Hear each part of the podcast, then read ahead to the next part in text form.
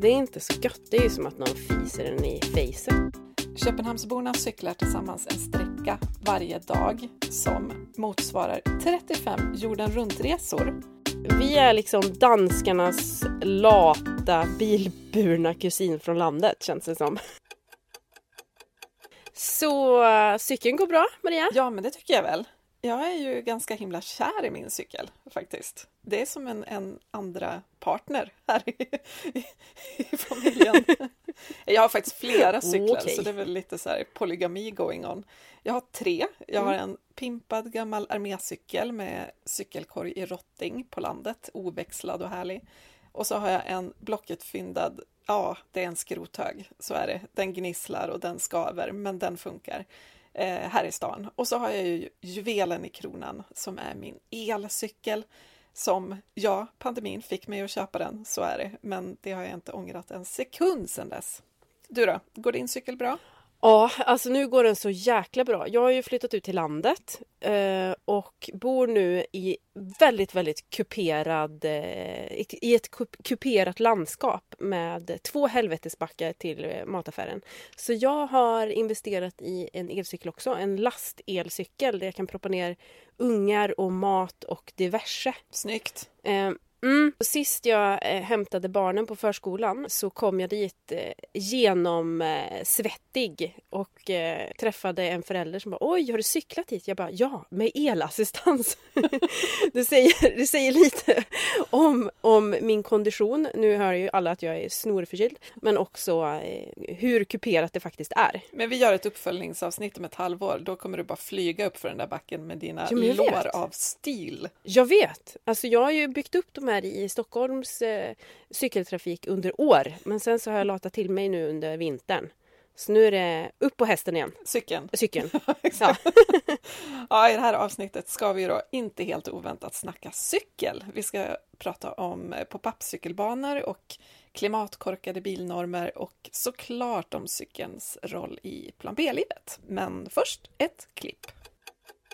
You see, here and across the UK, around 3% of us cycle every day. That's the third lowest level in Europe. Compare that to the Netherlands, just as a comparison relevant to my experience and not because it's the ideal, it's 43%. For school children, it's even more remarkable 3% here compared to as much as 75%. The, the difference is quite remarkable. But those are just numbers. What does that mean in real terms? Well, UNICEF found that Dutch teens are amongst the healthiest and happiest on the planet, with amongst the lowest rates of obesity and antidepressant usage. Coincidence? Det där var Adam Stones i ett TED-talk om cykling som heter How Cycling Transforms People and Places. Ja, så är det ju. Det finns ju helt sjukt många fördelar med cykeln som transportmedel.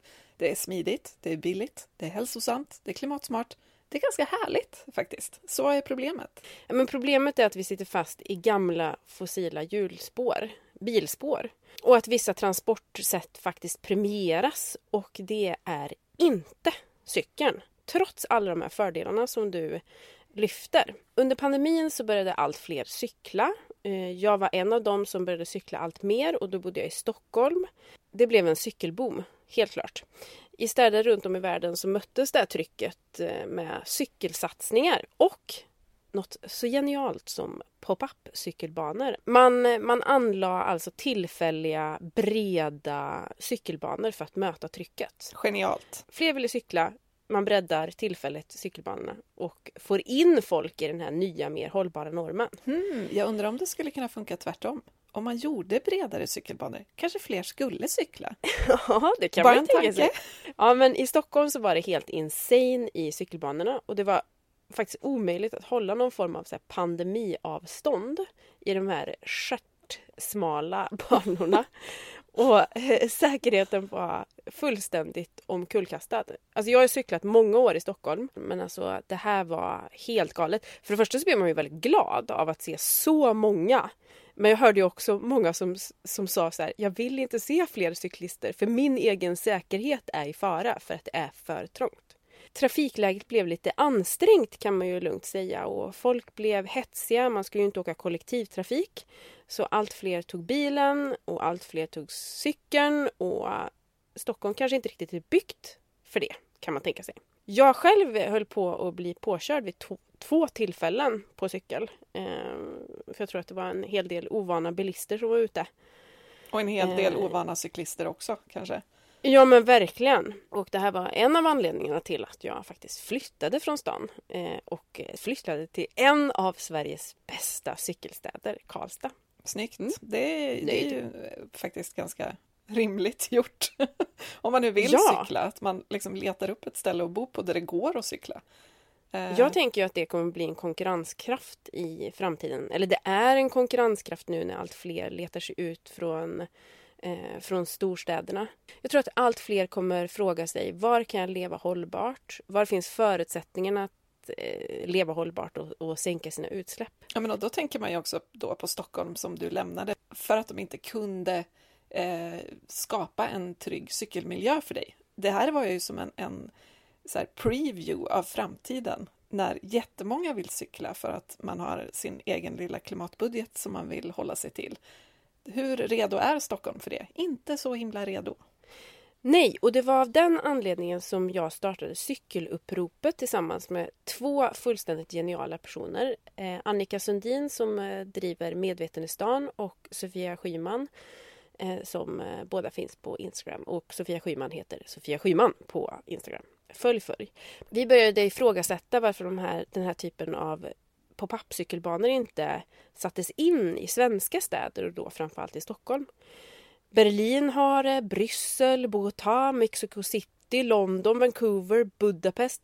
Hallå Stockholm, vakna! Så att vi drog igång det här cykeluppropet, dels för att uppmärksamma cykelläget men också ge alla människor bättre förutsättningar att välja det transportsätt som är bäst för klimat, miljö, hälsa, ekonomi. Rimligt, rimligt tycker ja. vi. Ja, men det är ju rimligt och det är ju det, det, här händer ju redan på andra ställen i världen, även om det inte är pandemi. Alltså Paris har som mål att få alla sina gator cykelvänliga till 2024.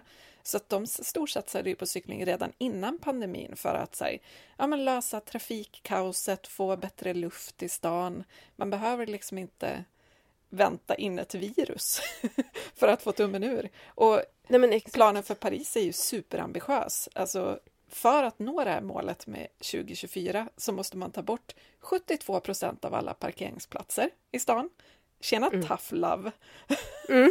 Alltså det är så coolt och man blir ju svintaggad på att åka till Paris. Ja. För att se, ta tåget dit såklart. Men också att här, besöka och se hur man har löst olika saker. Det är ju superinspirerande och också njuta av Paris utan att liksom här, få någon form av andnöd på grund av dåliga avgaser. Det är lite mer Paris-dröm i att cykla fram genom stan också. Ja, eller hur? Njuta, njuta av sän och liksom så här, promenera och ha det gött utan att man liksom har det här tutande ljudet. Precis. Och det här borde ju inte vara svårt att göra i Sverige heller. Vi har mer plats liksom i, våra, i vårt land. Vi, har ju, vi är ju glest befolkade. Det finns ytor att bygga cykelbanor på. Liksom. Jag tycker det är häftigt det här med Paris, att det är ju faktiskt om tre år. Ja, helt sjukt. 2024. Då är pandemin över, så... då drar vi dit. och då drar vi dit, eh, cyklar vi dit. Ja, ah, kanske inte, vi tar tåget. Vi tar tåget. Eh, på ett litet studiebesök. Det blir spännande.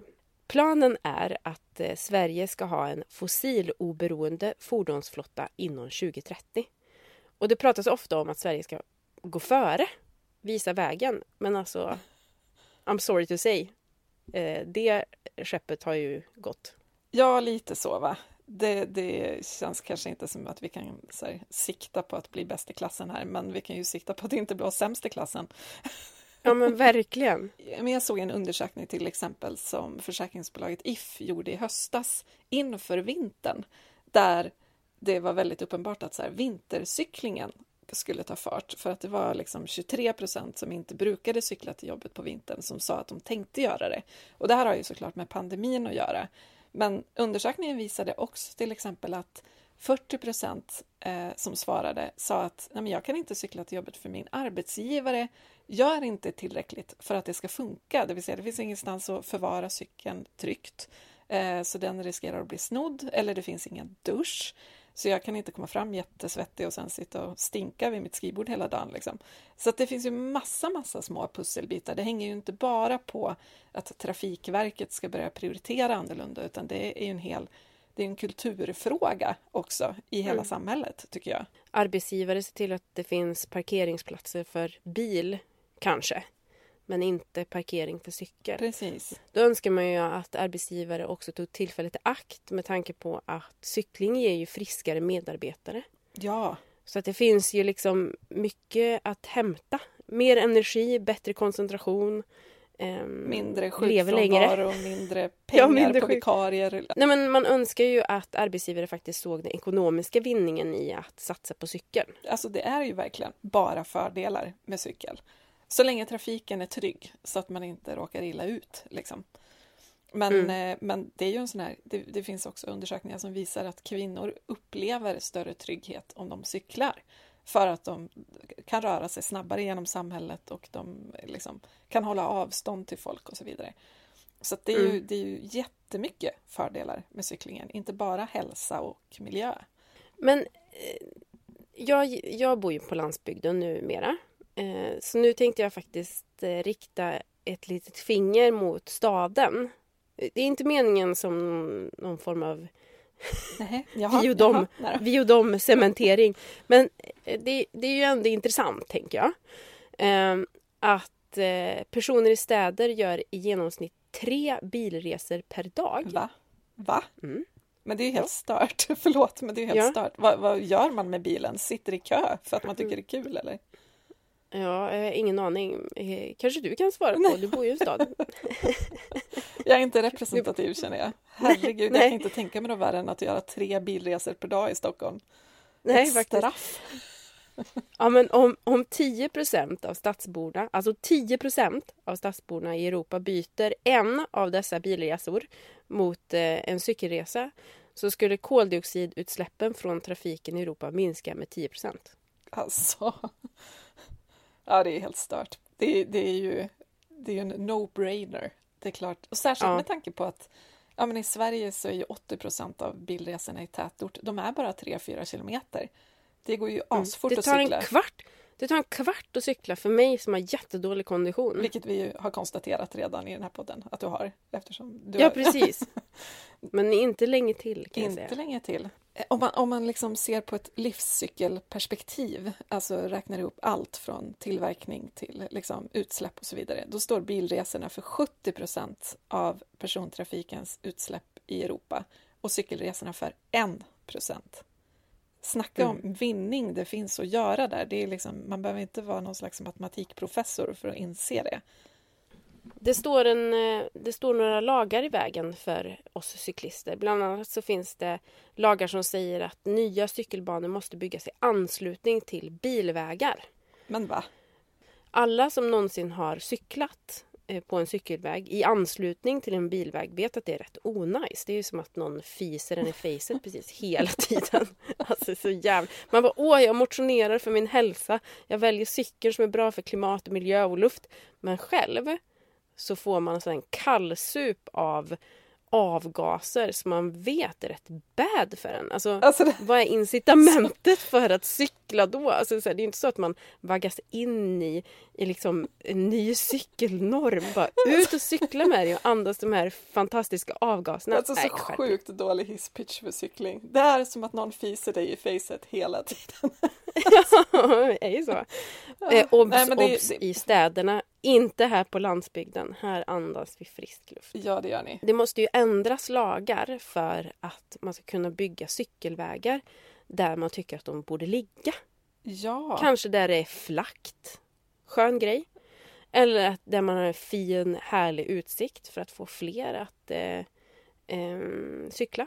Alltså jag tänker om man, om man vill, om man inser att så här, ja men nu har det flyttat hit en massa folk till någon eh, ort som ligger hyfsat nära en större stad med mycket arbetsplatser.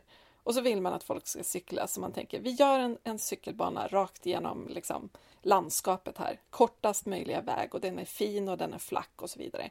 Man vill få folk att cykelpendla, för då når vi klimatmålen. Bilvägen ska ju helst gå en omväg på sju mil så att det tar längre tid att åka bilvägen än att cykla. Det är då vi får Fast folk att en- byta transportmedel.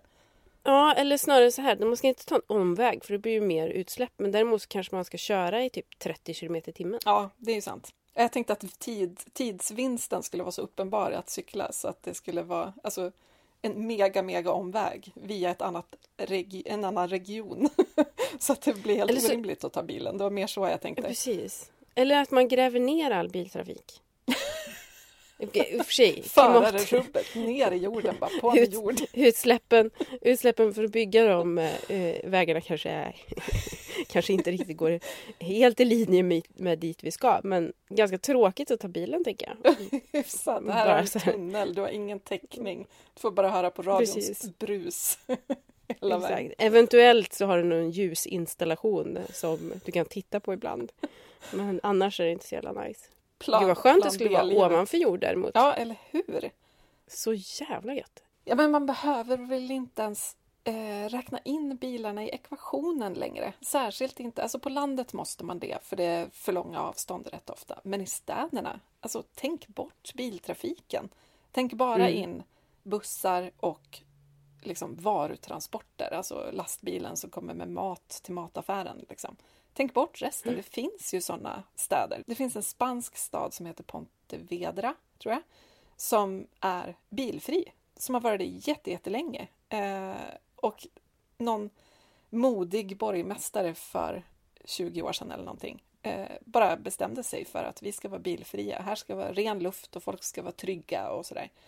Och det blev säkert ett ramaskri i början när alla bilentusiaster bara kände fan vad livet blev krångligt. Men det blev ju inte det. Den här borgmästaren har blivit omvald hur många gånger som helst och det har inte dött en människa i trafiken på typ över ett decennium och folk älskar det. Det är liksom världens härligaste plats att bo på. Kan vi inte bara börja så? Man undrar ju vilken svensk stad som blev först med det här konceptet. Eller hur? Och inte bara flyttar vi. en gata som är bilfri, liksom, utan som är en shoppinggata så folk släpper ut en massa ändå genom att köpa en massa saker. Utan ja, men en, en stadskärna där man strosar runt. Det vill jag ha. Ja, det vill jag också ha. Gud vad härligt. Kan inte vi få rita om världen? Gud vad härligt det skulle vara. Fint det skulle bli. Som vanligt, storhetsvansinnet bara, vi kan ta över en stund. Men får jag, får jag säga en sak som är en, en nackdel med landsbygden, måste jag säga. Det är ju att Fördelen är ju som sagt att det finns frisk luft eh, och det, man hör fågelkvittret. Men en nackdel är ju att man kanske inte är så van att möta på cyklister. Så bilisterna kör ju utav bara helvete för att känna kurvorna. Och, sen så, och det känns lite otryggt i att ja, men det kanske inte finns cykelbanor för att det är inte så mycket trafik. Men när väl bilarna kommer så kommer de med en jädra fart. Mm. Ja, men det där är ju lite samma som på Gotland där alla stora vägar är 80 kilometer i timmen och väggrenen är liksom typ ett äpple brett.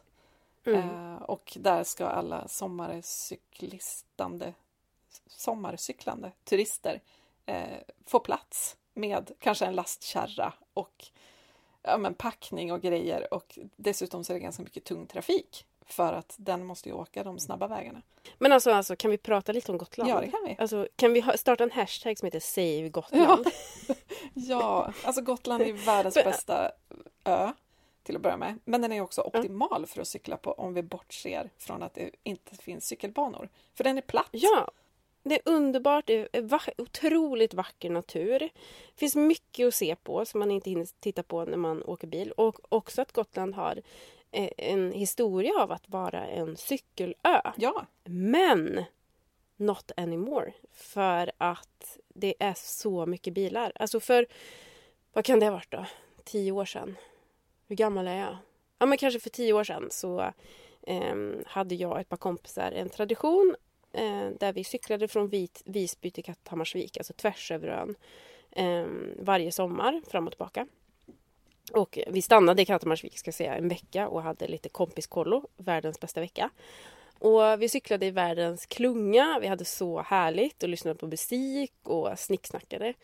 Och eh, ja, men det, det var ju trafik, men inte alls i den dignitet som det är nu.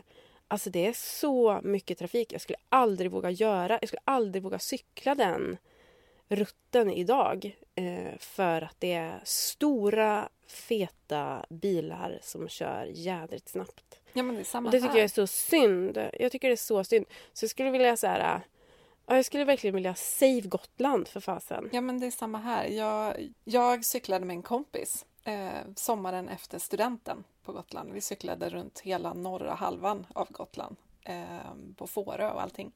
Och det var fantastiskt. Vi, hade, vi, vi liksom Ja, men vi, vi, vi brände benan i håret för vi hade ingen keps och det var fantastiskt väder och vi levde på typ så här färdigstekt kyckling som vi åt på Icas parkering för vi hade inte packat någon som helst matutrustning eftersom vi var 19 och lite aningslösa. Men det var helt magiskt. Jag, jag har liksom nästan aldrig haft en sån härlig semestervecka. Eh, och jag minns inte trafiken som ett problem. Jag minns att vi inte mm. att det inte fanns cykelbanor liksom, utan vi fick hålla oss på bilvägarna. Men jag minns inte att det var ett problem. Men jag känner samma sak mm. nu att här, när jag ser på trafiken och då färdas jag ändå i en bil själv så skulle jag inte vilja vara de där cyklisterna som man kör om med bil på Gotland. Mm. För det ser faktiskt ganska läskigt ut. Mm. Rädda Gotland! Ja, rädda Gotland. Det finns, det finns en del eh, väldigt fina cykelleder på Gotland ska sägas. Västkusten men, eh, är ju bra. Där ja. finns det en magisk cykelbana. Men eh, det finns så mycket att se på den ön att det borde ses ifrån cykeln istället för bilen. Verkligen. Ja, eh, åk till Gotland och cykla allihopa. Lämna bilen. Precis, då har vi löst det. Om alla lämnar bilen mm. hemma, då, då går det bra att cykla på de där gatorna igen. Eller, okej, okay, vi kanske borde ha ett avsnitt om Gotland. Eller att man inte får ta med sin bil på färjan. Det blir inte lika tungt då heller på färjan. då släpper den ut eh, mindre. Och, jag känner att vi har ja, en, en bra ut. effekt här som liksom en kedjereaktion i färre utsläpp. Ja. ja. Ha, eh, vi... samt eh, bra för alla gotlänningar att de slipper eh, ökade utsläpp, tänker jag. Mycket, mycket väl som bor där ja. fast året runt. Men hörru, ska vi Sjö, se oss om i resten av världen eller? Vi lyfter blicken från Gotland. Och Sverige. Ska vi... För nu har vi dissat ja. Sverige tillräckligt här.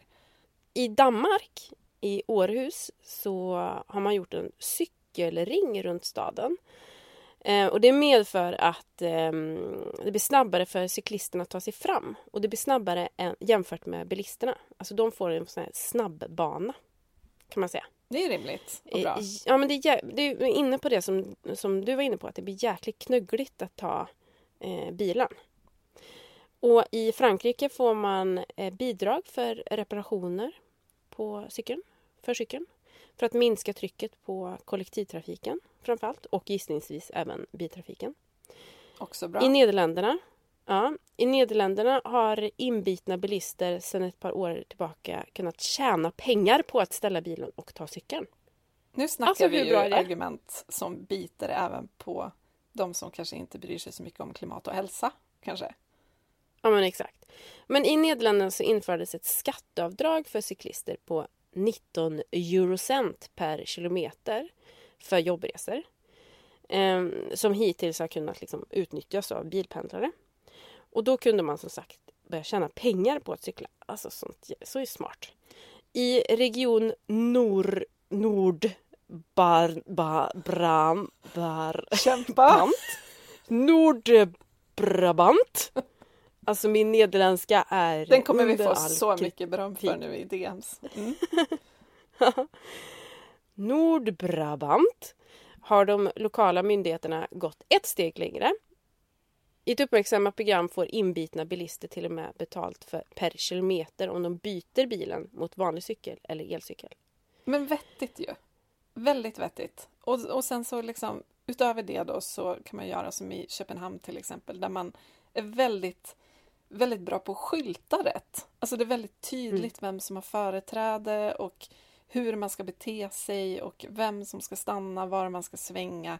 Eh, man sänker hastigheterna där det behövs så att cyklisterna ska känna sig mer trygga och det är liksom tydliga markeringar. Så är det i Nederländerna också, att det är så rödmarkerade gator här och var för att mm. man ska fatta vem som har rätt till dem. Uh, och likadant är, är det väldigt låga hastigheter i städerna i Nederländerna för att det ska vara tryggt. vettigt. Belgien har jag också hört att de skryter om att de bygger städer för människor och inte bilar och det kan man ju tycka är en ganska bra slogan. Bra tagline. Men jag vill prata mer om Danmark för att Köpenhamn, som vi ju älskar för att det är en otroligt mysig stad, men alltså de, redan innan pandemin, år 2016, så gick antalet cyklar om antalet bilar i Köpenhamn. Och det här är liksom mm. ett direkt resultat av att man har bestämt sig. Vi ska bli en cykelvänlig stad. Så Köpenhamnsborna cyklar tillsammans en sträcka varje dag som, håll i dig nu, motsvarar 35 jorden runt-resor. Oh fuck! Alltså, alltså shit vad häftigt! Köpenhamnsbon cyklar i snitt 3 kilometer varje dag och det är inte så långt, men tillsammans mm. så blir ju det ganska feta sträckor. Och 25 procent av alla resor som är kortare än 5 kilometer sker på cykel där. 9 av 10 Köpenhamnsbor äger en cykel, men bara 4 av 10 äger en bil. Hur har de lyckats med det här? Meanwhile in Sweden. Hälften av alla bilresor är under 5 kilometer och i tätort är 80% mellan 3 till 4 kilometer. Alltså 80% av bilresorna. Bilar står parkerade 95% av sin... 96 till och med, tror jag. 96% av Eller? sin livstid.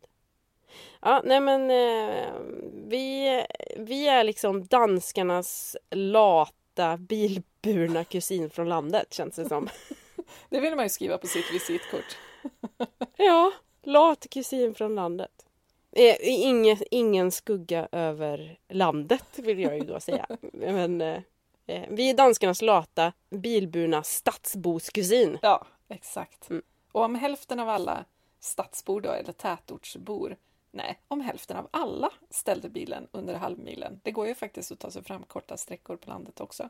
Då skulle vi spara in så sjuka mängder utsläpp varje år. 700 000 ton koldioxid, 300 miljoner liter bränsle. Och det är alltså bara om hälften av alla ställer bilen och bara under halvmilen dessutom. Mm. Kom igen, det är klart vi ska göra det här. Ja. Men du, har du cyklat till Köpenhamn någon gång? Nej, jag har ju inte det. Har du inte det? Nej! Jag har promenerat och promenerat och promenerat, men jag har, inte, jag har aldrig kört bil heller, ska jag säga. Men jag har aldrig cyklat. Jag är väldigt sugen. Mm. Alltså det är underbart. Jag och min kompis Åberg, vi gick och gick och gick och gick i Köpenhamn eh, för att vi skulle till något område. När vi hade nått vårt mål så insåg vi så här, fasen vi måste ju tillbaka. Vi, har ju liksom, vi ska ju äta typ om en kvart. Hur tar vi oss tillbaka? Ingen aning. Alltså så typiskt mig och min kompis Åberg. Eh, så vi bara, men hur, okej, hur tar man sig tillbaka? Buss? Taxi? Hur, hur, liksom, hur färdas man i den här stan? Det fanns ju inte en taxibil. Eh, så långt vi kunde se. Och vi fattade inte hur den här bussen... Bara, buss? Var, vart hittar vi sånt? Så ser vi ett ställ eh, med vita cyklar, elcyklar som står. Och står så här, ja men, eh, ja, men hyr, hyr elcyklar här. Och vi tittar på varandra, okej, okay, det här är när vi testar elcykel för första gången. Det är tydligen i Köpenhamn, i en stad. Och så lyckades vi under total panikskratt att eh, med någon form av app eh, eller kort eller vad fasen var eh, hyr, får loss de här cyklarna. Och alltså jag har aldrig skrattat så mycket i mitt liv när vi åker fram genom Köpenhamn. Alltså det är så jädra underbart. Det är breda cykelbanor, vi går på el, det går snabbt som tusan. Det finns skyltar som visar hur man ska bete sig, att man ska visa vart man ska och man ska stoppa. Folk är så trevliga i, ja men det är en trevlig stämning. Och så har alla de här hyrcyklarna också en display som visar exakt vart man kan lämna tillbaka dem. Ehm, och också visar vart man ska svänga och ja, men karta, GPS. Alltså. Alltså så jävla smidigt! Men det är väl bara att kopiera det här. Man behöver inte uppfinna hjulet. Man kan bara åka till Köpenhamn och skriva ner exakt hur de gör. Och sen så gör vi ja. så. Precis. Ska vi åka dit eller? ska, vi, ska vi ta på oss det här? ja, men vi, vi har ju faktiskt påtalat det här för eh, alla politiker som vi har pratat med.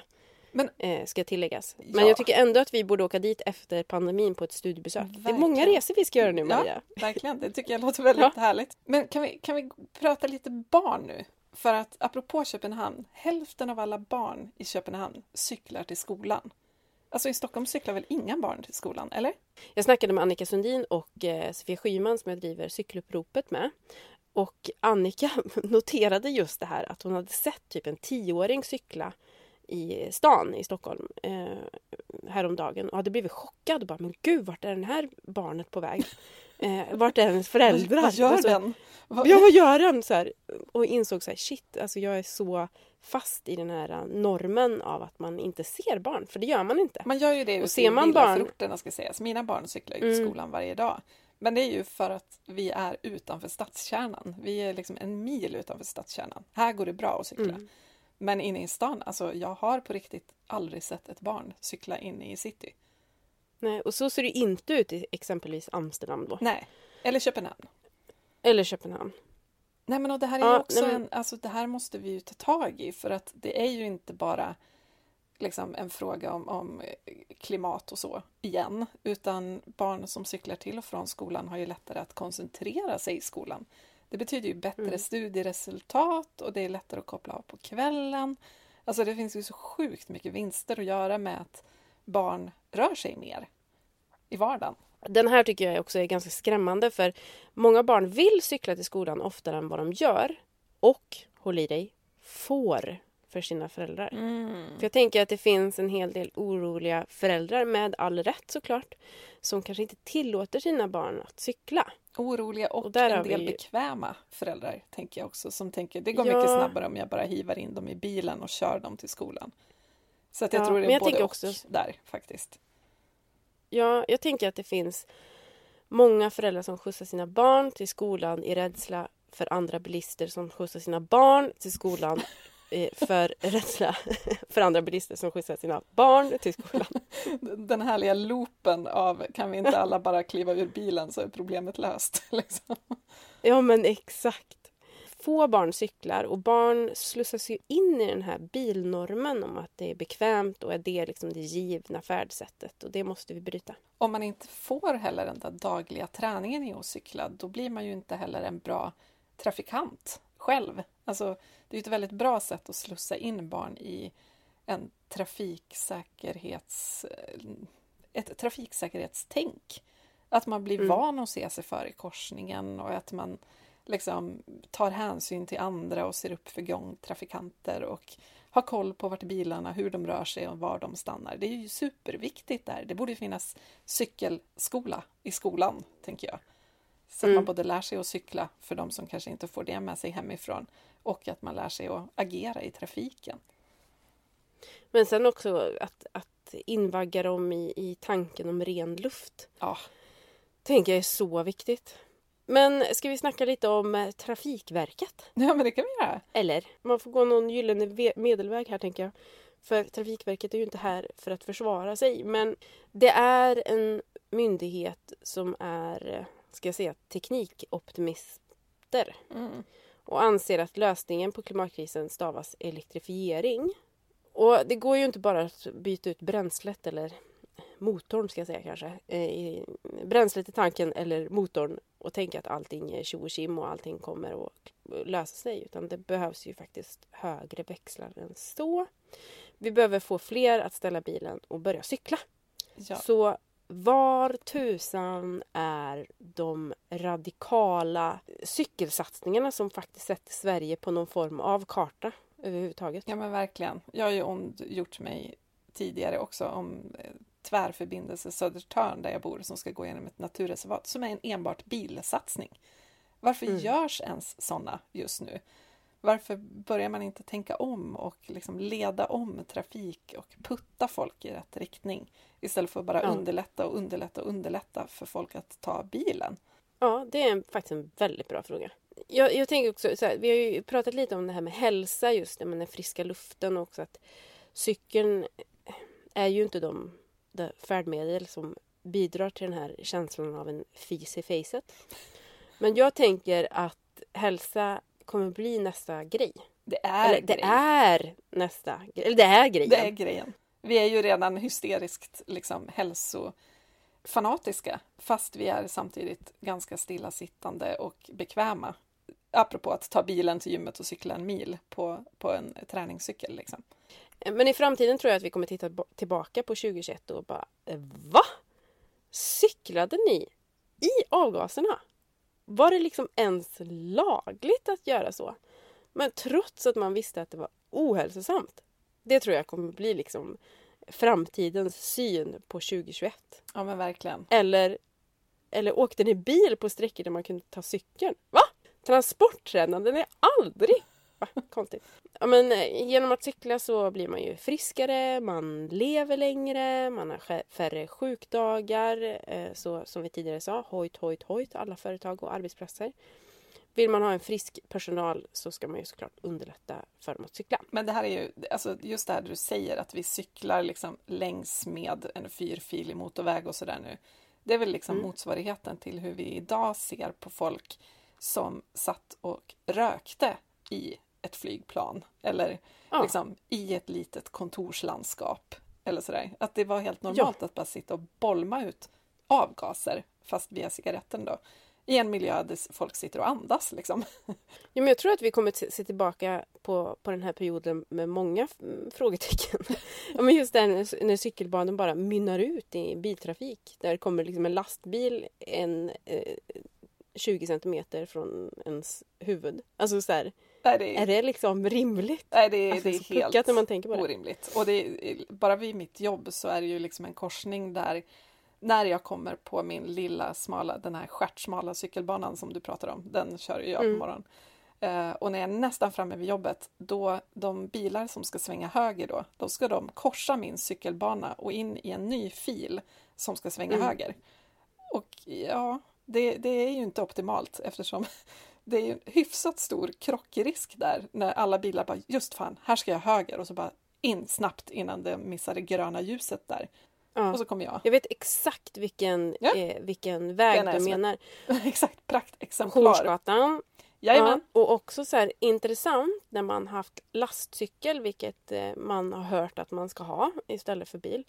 Att lastcykeln får inte plats på den cykelbanan för den är för för liten.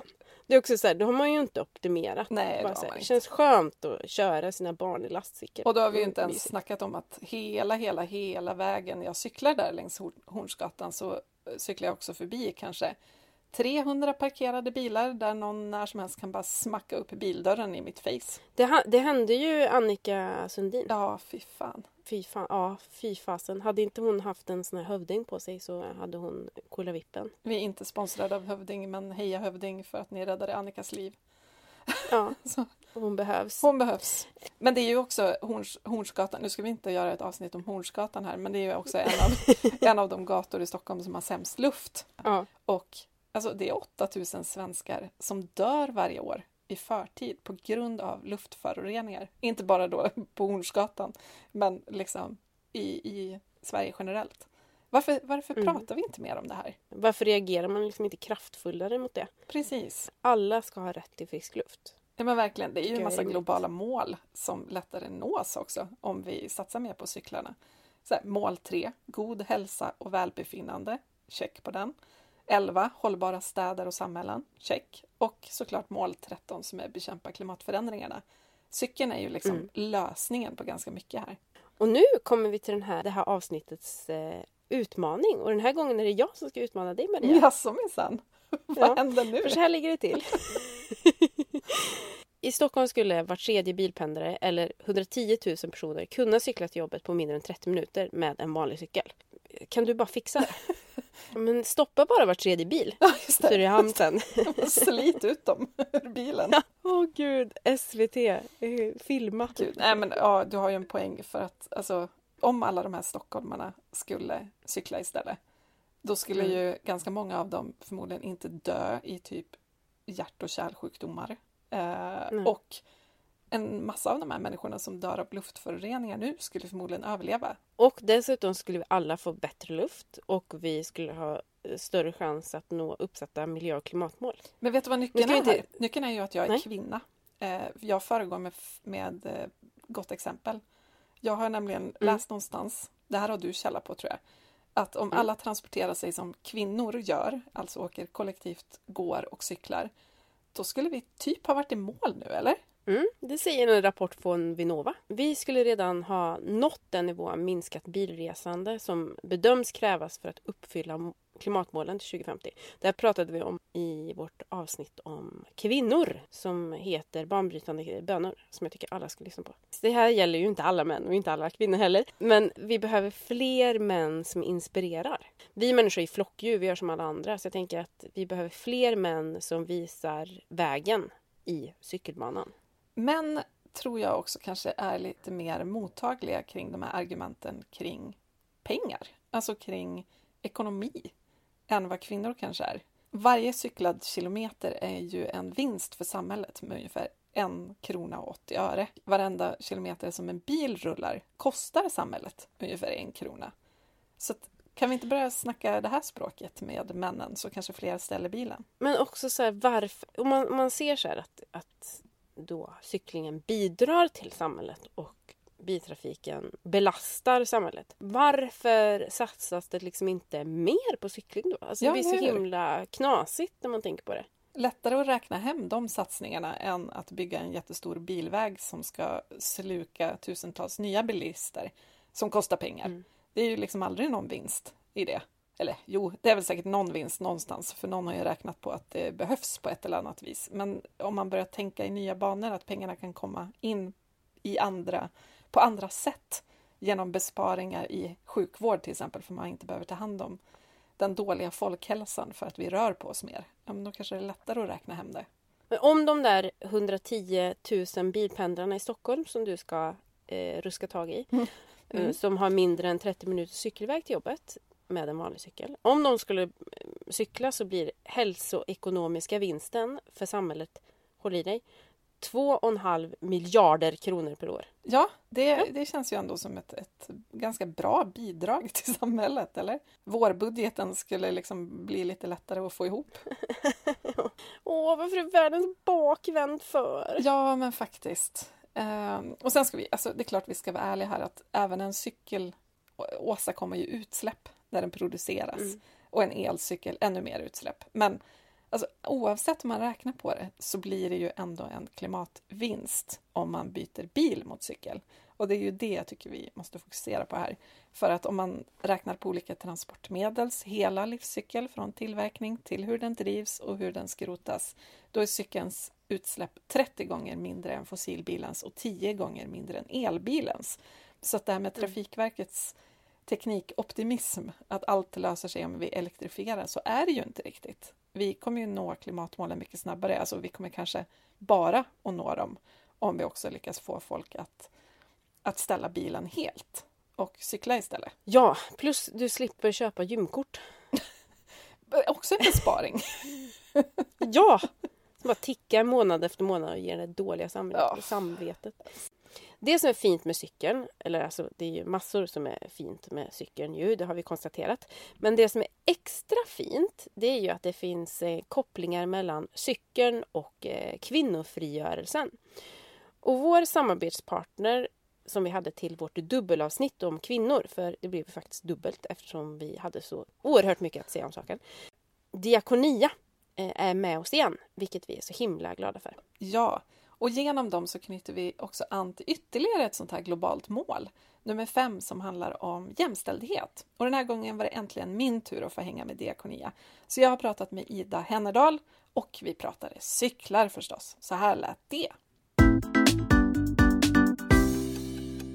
Hej Ida! Hej Maria! Kan inte du berätta varför cykeln ligger Diakonia så varmt om hjärtat? Alltså, jag tycker ju personligen så tycker jag att cykeln är bland de bästa uppfinningarna som har eh, liksom kommit till mänskligheten. Det, det, är bra för klimatet, det är eh, bra för ett bra transportmedel och man får motion samtidigt. Så att, eh, ja, jag gillar cykeln. Du, det är ju vi med. jag vet ju också att ni tycker det är viktigt att alla barn ska lära sig att cykla. Varför då?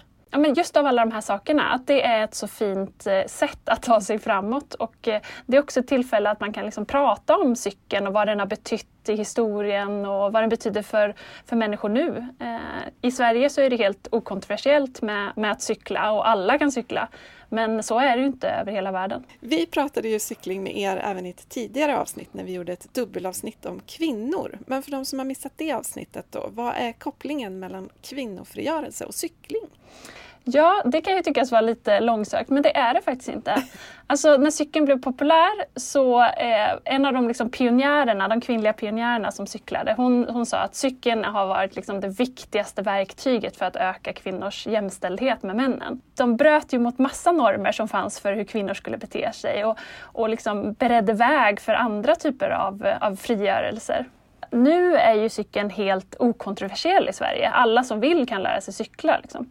Men så är det inte runt om i världen. Eh, Diakonia jobbar ju i Bangladesh bland annat och där har vi ett projekt där vi lär tjejer att cykla.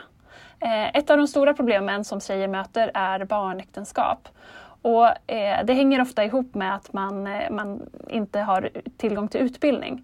Så det vi gör i Bangladesh det är att vi lär tjejer att cykla. För att på så sätt så kan de ta sig till skolan och få en utbildning och då minskar faktiskt risken för, för barnäktenskap. Eh, så det är liksom, då blir det en väldigt konkret koppling mellan cykeln som redskap och att det faktiskt leder till ökad jämställdhet och ökad frihet för de här tjejerna. Alltså cykeln är bra på alla sätt, mm. det kan vi ju bara konstatera, eller hur? Ja, verkligen. Hur kan alla som lyssnar på Plan B-podden stötta ert arbete då? För det här vill man ju bidra till känner jag. Ja men vad kul att höra. Det enklaste man kan göra det är att swisha till Diakonia. Eh, vi har swishnummer 90 33 044. Eh, så det är, det är liksom det smidigaste sättet man kan göra för att hjälpa de här tjejerna i, i Bangladesh. Eh, men man kan också bli månadsgivare och då eh, liksom, hjälper man lite varje månad, mer långsiktigt. Eh, så de två grejerna skulle jag rekommendera. Ja men klockrent. Det här är ju årets present till någon också, att bli månadsgivare känner jag. Ja, absolut. Både till sig själv och till världen. Underbart. Tack snälla Ida. Nu ska jag ge mig ut och cykla lite och tänka på kvinnofrigörelse. Ja men tack Maria. Ha det så gott. Detsamma. Hej. Hej. Det är ju faktiskt inte bara i Bangladesh heller som cykling är viktigt för kvinnor. Jag läste en artikel i The Guardian som berättar att många kvinnliga cyklister i England känner sig tryggare på en cykel eftersom de har liksom större chans att slippa trakasserier som kanske sker på bussen eller om de går, så här catcalling och busvisslingar och sånt. På cykeln så susar man bara förbi de här pucko-personerna som beter sig så. Så det, man känner sig tryggare liksom. Så att det här är ju en relevant fråga, inte bara i Bangladesh, det är ju relevant för oss också.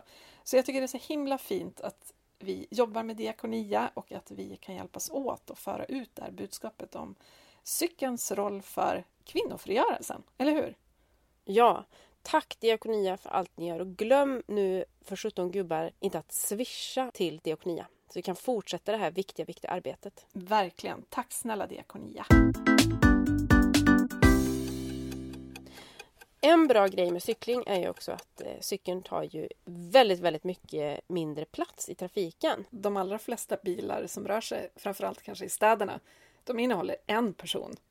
Eh, och cykeln tar ju otroligt mycket mindre plats, vilket ju gör att fler kan åka samma väg, samma tid, utan att det blir köer. Och det här är ju en sån här klassisk eh, meme-bild, alltså det här när man visar hur mycket plats 50 personer tar om alla sitter i varsin bil, eller om mm. alla sitter i en buss, eller om alla sitter på en cykel. Inte en cykel, sitter på varsin cykel. men, mm. men, eh, och det är, ju, det är ju helt sjukt stor skillnad. Man förstår ju varför det blir bilköer när man ser den. den kan jag lägga upp, en sån bild kan jag lägga upp på vår Instagram, ja. Plan B-podden, så man får se det, jag tycker det är en så bra bild att ha med sig i bakhuvudet när man ska argumentera för cykling, för man förstår hur, hur liksom trafiksituationen i städerna skulle kunna förändras. Det är en jäkligt bra morot att se den här bilden, tycker jag. Ja, och you're not stuck in traffic, you are traffic. Ja, ja. Mm. En fördel som, alltså, som jag skäms lite över att säga som cyklist det är ju att man njuter ju ganska gött när man cyklar förbi den där bilkön också. Och bara vinkar lite sådär. Hej då! Jag kommer framme långt före dig. Oh, ja men det är ju så. Det så går ju oftast fortast att ta sig fram med en cykel i stan. Ibland går det ju till och med fortare att gå än att ta bilen. Så det är ja. ju inte någon tidsvinst vi snackar om där utan det är ju enbart bekvämlighet och typ status. Apropå cykling så har jag snackat med Claes Elm som är VD på Svensk Cykling om eh, förutsättningarna för cykling i Sverige och vad som behövs göras. Eh, vill du höra eller? Nej. Jo, jag vill jättegärna jo. höra faktiskt vad Claes har att säga om det här. Det, Claes är så trevlig, så du vill höra på det här. Då kör vi! Hej Claes Elm på Svensk Cykling! Hej! Hej! Du, först och främst, varför brinner just du för cykling? Ja, alltså eldsjälar, det tycker jag är folk som, som gör massa saker utan att få betalt. Ja, det här är ju faktiskt del av mitt jobb, så att jag, jag, jag kvalar inte in som eldsjäl, men jag brinner för cykling trots att jag har betalt. Jag tycker det är väldigt bra, både ur en, på en samhällsnivå och även på en individnivå. Cykling är löser inte alla problem, men ganska många. Så att alla tjänar på ökad cykling. Men hur vassa är vi i Sverige på att få folk att cykla mer? Vi är inte så bra på det. Vi har slagit oss för bröstet förut över att vi har haft ganska hyfsad andel cyklister och att det, eh, vi har liksom jämfört oss med Danmark och Holland och sådär och tycker att vi är inte så långt efter. Nu är vi ifrånåkta så det räcker det här pandemiåret eller åren har ju gjort att många länder i Europa och runt om i världen har, har kört om oss och vi halkar efter för vi har inte utnyttjat den här möjligheten för folk att ändra sina vanor som vi borde ha gjort. Vad ser du för möjligheter som har dykt upp som vi inte har liksom fångat? Ja, i pandemins spår så har ju eh, resorna fram och tillbaka till jobbet och till, till skolor och sådär minskat så pass mycket så att folk har ju ändrat sin, sitt sätt att resa, inte minst i kollektivtrafiken. Och det har ju möjliggjort för folk att, att eh, testa cykling. Och då är det ju många länder och städer som har eh, tagit chansen och gjort tillfälliga cykelbanor eller tidigare lagt planer och byggt cykelinfrastruktur helt enkelt så att folk på ett smittsäkert sätt ska kunna ta sig till jobbet eller skolan. Eh, och det får ju folk att ändra, ändra sitt beteendemönster, sina vanor. Det här funkar ju jättebra. Kanske inte alla dagar om året, men ganska många dagar. Och så ändrar man sina, sitt sätt att resa helt enkelt. Det borde vi ha gjort i Sverige också. Har det hänt någonting på cykelfronten nu under pandemiåren? Nej. Inte i Sverige. Nej, men det, det, enkla svaret är nästan det. Vi, vi har missat den här chansen, vilket är jättetråkigt. Det finns några små exempel, men det är så, så lite så det är nästan inte värt att, att prata om. Det fanns ju stora möjligheter, men vi tog inte dem. Eh, nu ökar ju cyklingen i vissa eh, åldersgrupper i alla fall, men det är nog snarare trots att vi inte gör någonting. Så folk är ju smarta och eh, kan göra saker utan att, man, att eh, förutsättningarna är så bra. Så att i, i, bland vuxna människor i städer framförallt så har ju cyklingen ökat. Vad krävs för att fler ska börja cykla? Ja, det är tre områden som det behöver utvecklas på. Det första är ju naturligtvis eh, resurser, att vi får mer pengar till att bygga cykelinfrastruktur. Det är väl det viktigaste. Den andra frågan är ju yta. Eh, I städer till exempel, husen står där de står och då handlar det om hur vi fördelar den ytan mellan husen och tidigare har det varit väldigt stor övervikt till motortrafik och det behöver vi ändra så att det blir mer cykeltrafik och mer kollektivtrafik.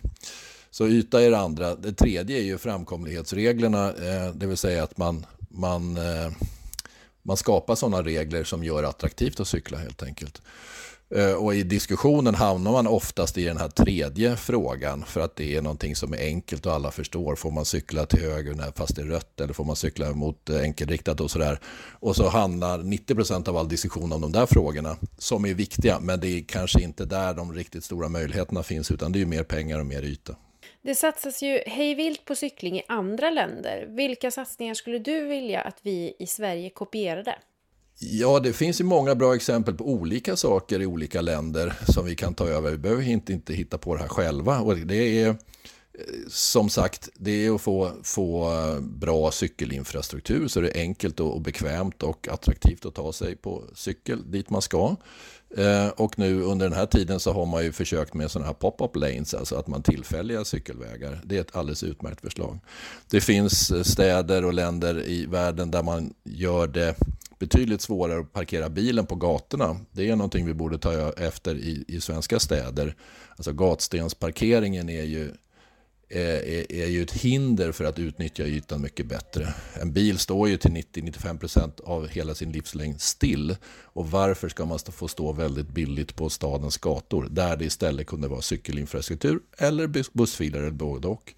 Så det är en annan sak. Sen finns det naturligtvis ekonomiska incitament som vi kan ta, ta efter. Så att det, det finns många bra idéer på många olika håll. Finns det några hinder som står i vägen för cyklingen? Ja, det är gammal lagstiftning och det är gammal inställning ifrån eh, beslutsfattare där man helt enkelt har en, en, eh, en förlegad syn på hur folk borde transportera sig. Hur ser du framtidens rullande dröm-Sverige? Hur ser det ut? Om du fick bestämma. Jag önskar att vi kunde få ner adrenalinhalten i den svenska trafiken från alla håll. Från det är, finns så mycket ilska och eh, det, det, det, som det gror, det puttrar under ytan en, en aggression mellan trafikslag och, eller inom trafikslag också. Jag skulle önska att vi kunde få bort det där att vi, vi, vi eh, är lite vänliga mot varandra och eh, underlättar för varandra istället för att jävlas med varandra. Och det gäller cyklister och det gäller bilister och gående. Det är en dröm. Sen är det också en dröm. Jag tycker inte att cykeln löser allt. Som sagt, vi är inga bilhatare utan de ska absolut få finnas. Men om vi kunde fördela om så att fler utnyttjade cykeln för de, de resvägar, till exempel om man kan ta sig någonstans på 30-40 minuter så är det ett väldigt bra alternativ. Skulle vi kunna flytta över en del till cyklingen så skulle både människor må bättre, vara friskare och vi skulle få mycket trevligare städer. Att man leder massor med bilar rätt genom svenska städer är ju, det är ju ett gammalt tänk som måste bort. Jag gillar din eh, framtidsvision. Jag tycker vi kopierar den och så kör vi bara. Okej, okay, då blir det så. Ja, ja bra. Då har vi bestämt ja, det. Klart. Härligt. Tack så hemskt mycket. Ja, tack. Ja, men nu har vi snackat med Claes. Nu har vi lite mer eh, ekrar i julen, kanske man ska säga. Eller något. Eh, och jag skulle vilja snacka om det här plan B-livet och lösningarna, hur vi ser på framtiden och götta ner i det. Vad säger du? Ja, men helt klart. Eh, jag har varit inne på det förut, men eh, kommuners konkurrenskraft. Ja, men I framtiden så tror jag att eh, kommuner ser cykeln som konkurrenskraft. Jag bor ju i en av Sveriges vassaste cykelstäder, Karlstad. Jag har en helt flack gammal banvall som har blivit eh, cykelväg raka vägen in till Karlstad. Alltså guld! Och det här tänker jag kommer bli en konkurrenskraft i framtiden. Och är redan nu om du frågar mig. Ehm, var man eh, kan leva hållbart, vart man kan cykla, vart man kan sänka sina utsläpp och var man kan välja det bästa färdmedlet för klimat, miljö, ekonomi, hälsa, luft. Ja men och det är ju inte, alltså det är ju, det är ju två flugor i en smäll här för att inte nog med att Karlstadborna kan cykla till jobbet. Eh, det är ju också så att man kan locka cykelturister till Karlstad som bor i någon annan kommun som inte är lika kul att cykla i. Så det finns ja. ju liksom double whammy going on här. Att man verkligen har två vinster i att satsa på cykling. Ja, jag ser Karlstads eh, framtida tagline som friskaste luften i Sverige. Kom och andas och njut av fantastisk bilfri natur. Ja, men och jag tycker också om vi nu liksom fortsätter att diskutera plan B-livet så tänker jag också på det här mm. med skolor och barn. Alltså jag tycker verkligen att cykling, cykling borde vara ett obligatoriskt skolämne i lågstadiet så att mm. alla barn lär sig att cykla. Eh, även barn då som kommer från, från en familj som inte har några vanor av att cykla och sådär. Så att alla barn får förutsättningen. Och att alla barn då blir vettiga eh, trafikanter som kan mm. reglerna och tar hänsyn till cyklister för att man är en själv. Jag, jag, eh, jag håller med. Jag gillar också den här tanken om cyklande skolbuss. Alltså, man älskar ju konceptet skolbuss eh, för att eh, det är en pick-up service. kommer någon och hämtar ens barn, lämnar den vid skolan. Men jag tänker också på det här med att eh, när man själv ska cykla med sitt barn till skolan eller att barnet är stort nog att cykla själv, att faktiskt involvera andra barn att göra precis samma sak. Så blir de en klunga som cyklar till skolan. Det blir både säkert och härligt och gött och roligt. Och där kan man ju som förälder vara med om man har små barn. Eh, för att också invagga dem i den här nya eh, normen. Ja, Eller den vettiga normen. Den givna normen. eh, och starta en cyklande skolbuss. Det är jag sjukt taggad på att göra här. Det är ju supersmart ju. Min skola, mina barns skola har också cykelveckor. Vilket ju borde vara alla veckor då i plan B-livet. Men här i plan A-livet då är det några cykelveckor varje år som går ut på att, att föräldrarna får ett mejl som uttryckligen säger nu ska vi cykla till skolan, lämna bilen hemma är ni snälla. Eh, som en mm. påminnelse om att liksom, det här är viktigt. Det här är någonting som vi försöker lära era barn och ni måste hjälpa till föräldrar. Jag tycker det är asbra. Mm, det är jättebra. Få lite ramar och styr. Sånt gillar ju vi. Precis. Så styr vi upp de vuxna också då. Alltså att arbetsplatserna skippar ett fancy taxikonto och lånebilar och sånt där och att de istället investerar i ett gäng elcyklar och hjälmar och bara löser det så att de anställda både kan cykla till jobbet men också ja, men ta sig till möten eller dra iväg till tandläkaren på lunchen eller sådär med cykel. Mm. I framtiden så är ju såklart cykelvägar norm och de har ju byggts ut. Eh, det är ju liksom i stort sett bara cykelvägar man bygger, eller hur? Ja. I det framtidslivet. Ja men det är så härligt. Man kan inte åka så jädra snabbt med bil i det här framtida plan B-livet, eller hur? Nej, exakt. Det är väl kanske en inbyggd... Eh, det, kanske blir ett eget bilavsnitt, vad vet jag. Men jag tänker att framtidens bilar har liksom en inbyggd fartgräns på, på vägar där det rör sig trafikanter som inte sitter i en bil. Det går inte att köra mm. fortare än 30. Synd! Ja, och eh, i städerna så kan man cykla ganska fritt. Det är väldigt härligt att cykla i, i städer i framtiden i det här plan B-livet. För där finns eh, bilfria gator och breda cykelbanor och det kanske mestadels är eh, parkeringsplatser som är öronmärkta för delningsbilar. Ja, det här hade jag. vi ju faktiskt ett möte med en politiker häromveckan och diskuterade just det här att det är så det borde vara. Att de bästa mm. parkeringsplatserna i stan ska vara vikna, vikta för delningsbilar så att alla som mm. inte använder dem får lämna bilen hemma. Vore ju bra.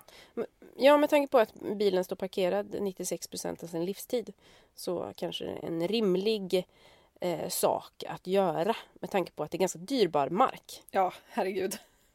som kunde ha använts till bättre saker. Verkligen. Men sen så tänker jag också att i plan B-livet då så finns det såklart gott om ja, men så här, cykelverkstäder, luftpumpar, mm. alltså den typen av grejer så att man inte ska känna att man så här, om någonting händer med min cykel så står jag strandad och inte kan liksom ta mig hem till min villaförort en mil utanför utan man kan lösa det. Ehm, och det här är ju, jag har hört att det är ganska gott om cykelverkstäder i Uppsala till exempel. Så att det finns ju städer som redan har börjat tänka i de här banorna, att underlätta för folk. Samma sak så tänker jag att det ska såklart finnas väldigt trygga cykelparkeringar så att man mm. kan investera i en elcykel och sen ställa ifrån sig den på stan medan man äh, sitter på sitt kontor utan att känna att den blir snodd på två röda. Liksom. Jag håller med. Det, det kommer vara en tystare stad som är byggd för människor snarare än för bilarna. Det kommer vi gilla.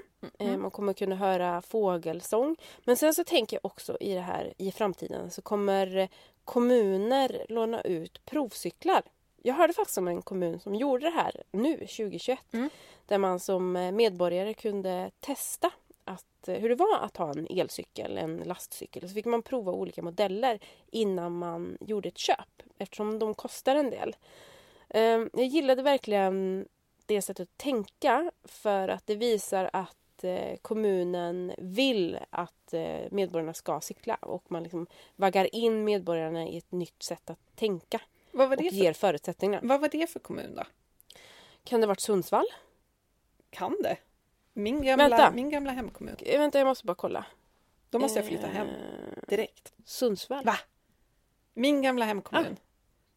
Ja, men nu måste jag ju flytta hem. Det är bara att börja packa. Ja, titta. Ja, det är bara att börja packa. Så här står det på sundsvall.se. Låna elcykel. Låna elcykel med tillbehör under en dag eller upp till två veckor. Har du barn finns det även cykelvagnar och en lådcykel med el att låna. Asbra! Alltså, heja Sundsvall! applåderar! Ja, heja Sundsvall! Gud vad bra! Men vi, vi, Ni är framkant! Verkligen! Jag tycker det är så fint att vi kan hylla lite kommuner också, inte bara dissa hela Sverige hela tiden. Men i, i, i Luleå, som jag också vill dela lite kärlek till, så har jag fått höra att kommunen har bedrivit ett projekt kring hållbart resande. Så de har haft ett gäng ambassadörer som har fått vara utan bil i ett år. Och sen så fick alla följa det här i sociala medier, hur det gick och liksom, ja, bli inspirerade. Samtidigt då så satsade kommunen såklart på att se till att det fanns bra cykelvägar och man fixade bra ställen att låsa fast cyklar under tak, bredvid tåg och busstationer och sådär. Och man har fixat ett cykelbibliotek i stan mm. och dessutom gjort en kampanj för att fler ska kunna vintercykla. Vilket är ganska relevant när vi snackar Luleå. Så heja Luleå också! Det här är ju super, super bra. Jag tänker också nu att vi vill hylla fler kommuner som gör bra saker för cykling. Så på vårt Instagramkonto så tänker jag att vi lägger upp en, ett inlägg där ni kan bara fylla på med kommentarer där vi hyllar kommuner och deras bra, vettiga och goda cykelsatsningar. Exakt. Och bor man inte i någon av de kommunerna då taggar man sin egen kommun så att de får lite inspiration, tänker jag. Ja, följa flödet. Exakt. Ja, det blir bra. Du vet vad? Mm, det här gillar jag. Nej. Vi har fått vårt för, första röstmemo. Nej. Eller vi har faktiskt fått flera. Men ett gäng av dem ska vi spara för de är till vårt frågeavsnitt som vi snart ska göra. Men vi fick ett som handlade om cykling från Sofie okay. Lindgren från kollektivhuset Stolplyckan i Linköping. Är du nyfiken mm. eller? Ja. Jag tänker att en viktig faktor är att komma åt personer som skaffar bil för att de tror att de måste ha bil när de har småbarn. Många lever utan bil och sen när de får barn så skaffar de bil för att underlätta långresor. Och sen så överanvänds den här bilen i vardagen. Något som skulle kunna undvikas om långresor underlättades för småbarn, småbarnsföräldrar. Och där finns det flera saker som jag tror skulle underlätta. Till exempel så är det ett stressmoment att veta om man ska få plats med en barnvagn på tåg idag. Möjlighet att boka en plats att ställa sin barnvagn på. Möjlighet att boka assistans vid av och påklivning. Att kunna boka bakåtvänd plats på långfärdsbussar. Många långfärdsbussar har ju bakåtvända platser men det framgår inte i bokningen. Ja, mer saker. Allt som eh, underlättar vintercykling Alltså, borde vi inte bara göra Sofie till liksom, ansvarig för barnfamiljer och cykling i framtiden? Plan B-livet? Jo. Minister. Jo, men det gör vi. ja. Jag tycker det är ju helt rimligt. Det är klart att det ska vara lätt att ta sig... Man ska inte behöva ha en bil för att man får barn. Det, det, liksom, vad är, det ska inte finnas någon korrelation däremellan. Men jag känner ju igen mig. För så, så blev det ju att man insåg att oj, nu har vi mer att frakta och det ska handlas mer och det ska liksom små barn ska tas med på olika ställen och de orkar inte gå eller cykla själva eller de är för små. Så att det är ju, mm. det är ju verkligen någonting som det måste jobbas på känner jag. Vad tycker du? Mm. Men bilnormen är ju stark och också att det kan vara lite knöligt på vissa ställen att, att eh, hyra en bil eller bilpoola vid behov eh, för att det inte är så utbyggt än eh, så länge. Det hoppas jag i framtiden på att, att det kommer vara enklare att dela bil om man har ett stort behov av det eh, vid enstaka tillfällen istället för... Det ska vara jävligt svårt att äga bil. Ja, tänker jag. Verkligen. Och sen ser jag fram emot den här den bokningsbara kollektivtrafiken som tar olika rutter beroende på vart behovet finns och kan släppa av en precis där man vill. Också subventionera den typen av transportsätt som man vill se barnfamiljer använda sig av. Ja men verkligen. Så det är superbra. Tack snälla Sofie för, för bra påminnelse om att det faktiskt finns olika målgrupper i samhället som ska klara av att cykla också. Barnfamiljer är en av dem. Mm. Sen hade Sofie faktiskt eh, fler idéer som inte var direkt kopplade till barn. Men vi eh, klippte loss det som handlade om barnfamiljer helt enkelt för att vi tyckte det var extra värt att snacka om. Men tack snälla Sofie! Du är Plan B-båtens första publicerade röstmemo. Alla jo! ni andra, visst var det kul? Ja, mer sånt! mer Gud, sånt! Skicka in det. Vi tycker att det är underbart roligt att få höra era röster också, inte bara våra egna. Ja. Men nu ska vi gå in på listan, eller hur? Jajamän, vinjett tack. Listan.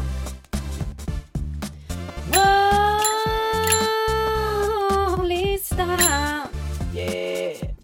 Den här gången blir det lite speciell lista för den här gången har vi tagit hjälp av eh, Klimatklubben. Medlemmarna i Klimatklubben har fått eh, svara på frågan vad skulle de behöva för att kunna cykla mer? Om man vill läsa mer vad Klimatklubben har sagt i frågan så kan man gå in på Klimatklubben och söka under cykel så kommer det upp massa spännande inlägg. Bland annat det här inlägget. Men eh, vad säger Klimatklubben? Ja, Klimatklubben säger till exempel då eh, att det behövs trygga cykelvägar som är skilda från biltrafiken. Och det här är viktigt. Ja. Och att de också måste vara breda nog. De får inte vara så där stjärtsmala som de är i Stockholm, utan det måste rymmas två cyklister i bredd, eller ännu hellre ännu mer då, för att om två lastcyklar möts, då behövs det ännu mm. mer bredd ju. Och de här cykelbanorna måste förstås skottas på vintern och de måste också sopas på våren.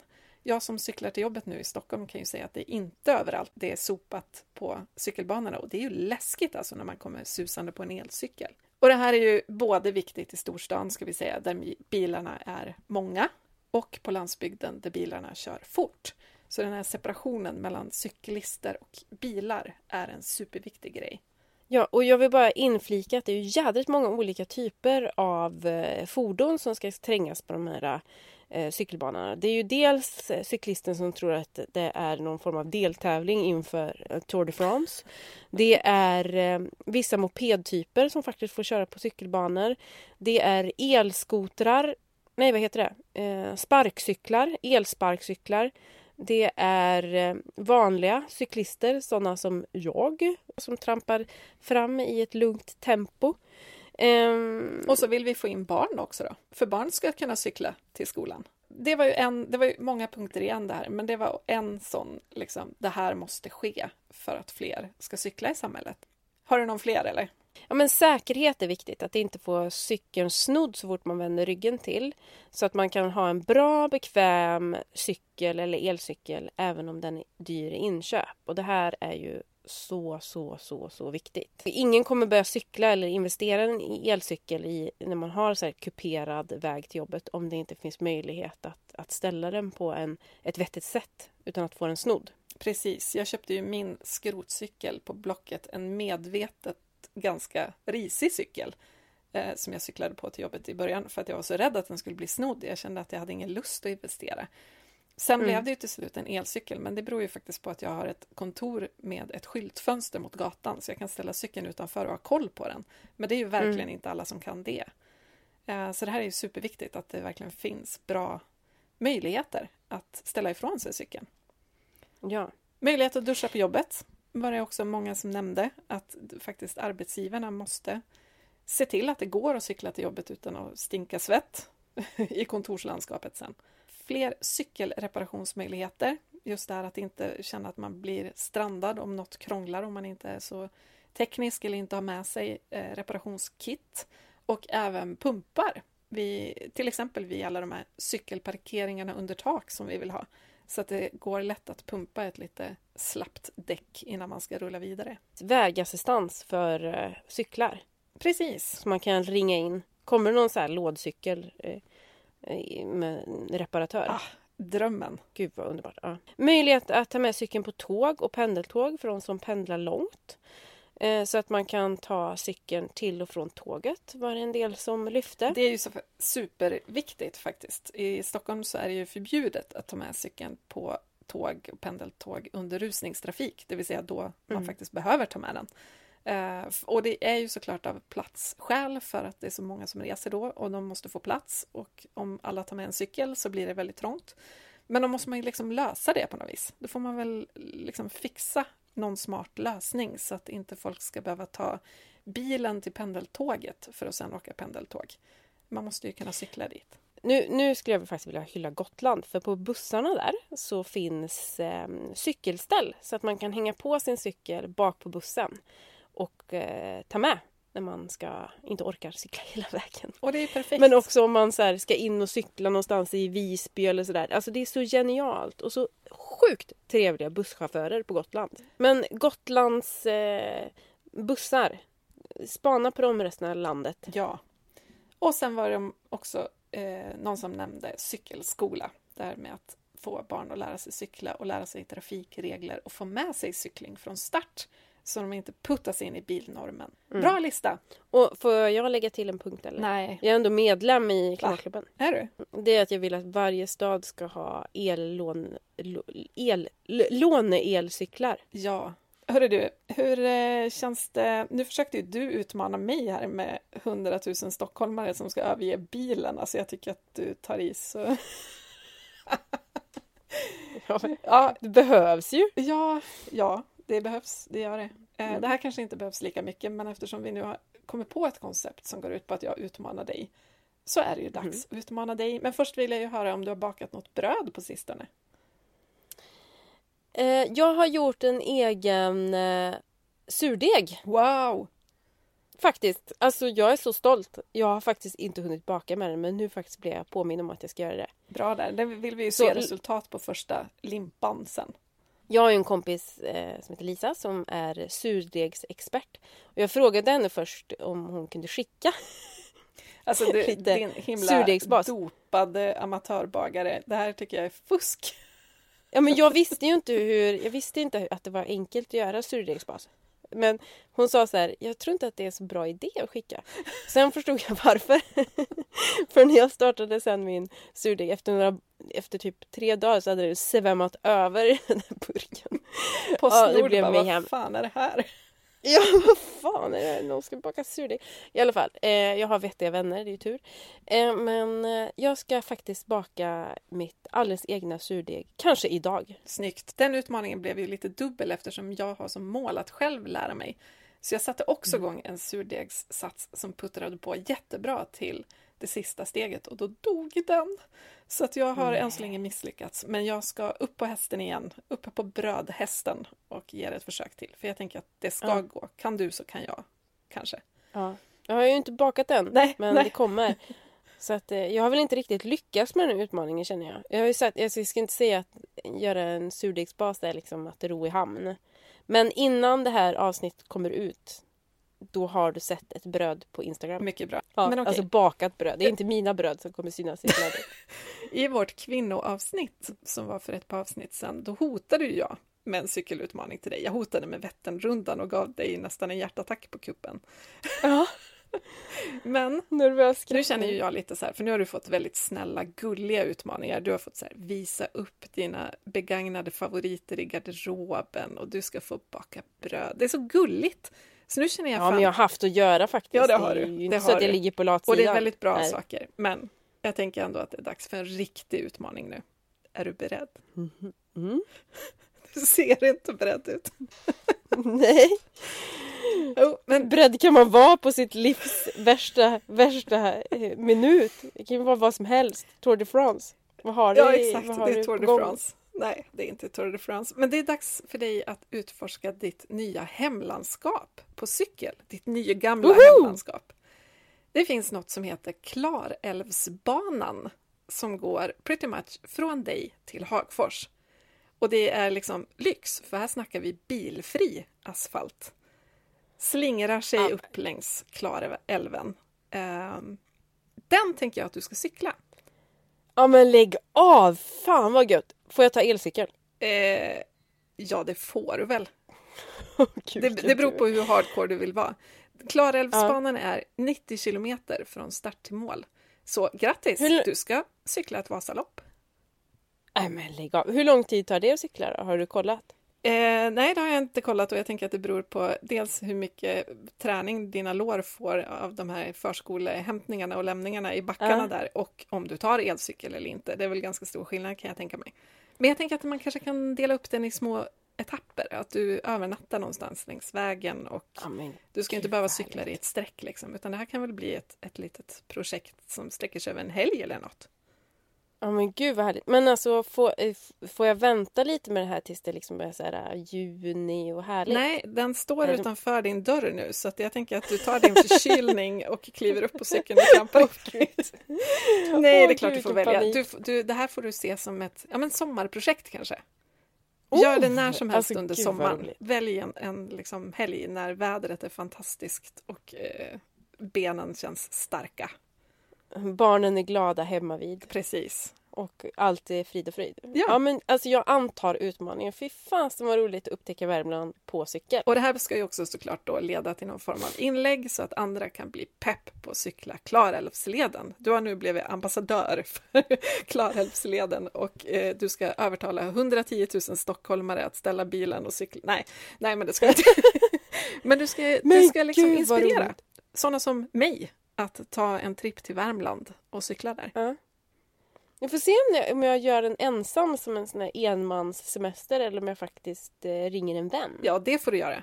Man får ringa Ja, en vad vän. härligt. Absolut. Man får inte låta vännen trampa och sitta på pakethållaren, men man får ringa Nej. en vän.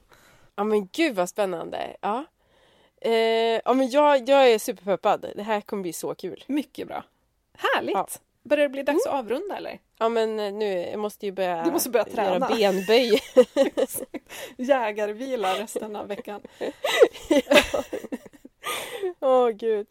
Ja, nej men eh, tack för att ni har lyssnat ända hit. Det finns så mycket mer att säga om cykling, om problematiken men också om lösningarna och jag hoppas att alla bidrar med att lyfta just lösningarna. Och Det kan ni göra genom att kommentera på vår Instagram eh, som heter Plan B-podden eller mejla oss på planbpodden gmail.com och eh, gärna skicka med röstmemon. Dels med problem som ni har stött på men också med lösningar om ni också vill vara med och göda den här drömmen om plan B-livet och framtiden. Ja, och vi är som sagt på gång med ett frågeavsnitt som vi redan har fått in några röstmemon till.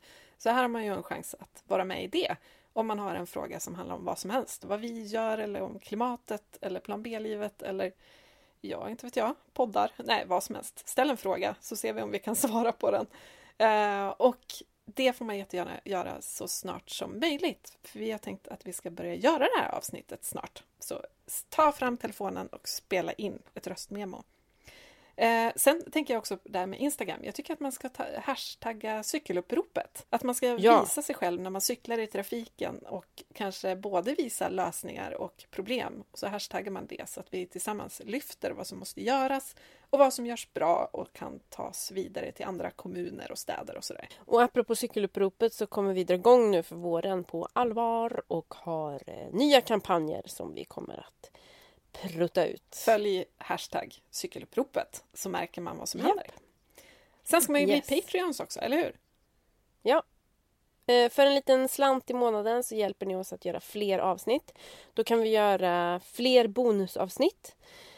Och när vi har 100 Patreons så kommer vi göra ett specialavsnitt. Gå in på planbpodden.se så står det hur man gör där. Och så får ni jätte, jättegärna prenumerera på vår podd där poddar finns och eh, skriva en recension eller ge oss ett betyg eller så för då når vi fler har vi märkt och det betyder super, super mycket för oss. Plus det är jätteroligt att läsa era recensioner. Vi blir så peppade av det. Hörru, tack så mycket för det här samtalet. Nu ska jag gå och kurera mig och eh, spana in Klarälvsbanan. Kanske spana in om det finns några härliga B&Bs där på vägen. Och göra benböj. B&B och jägerställning. Svinbra plan. Dagens mission. Exakt. Tack för idag. Ha det gott allihop Ja, som lyssnar. Hej hej!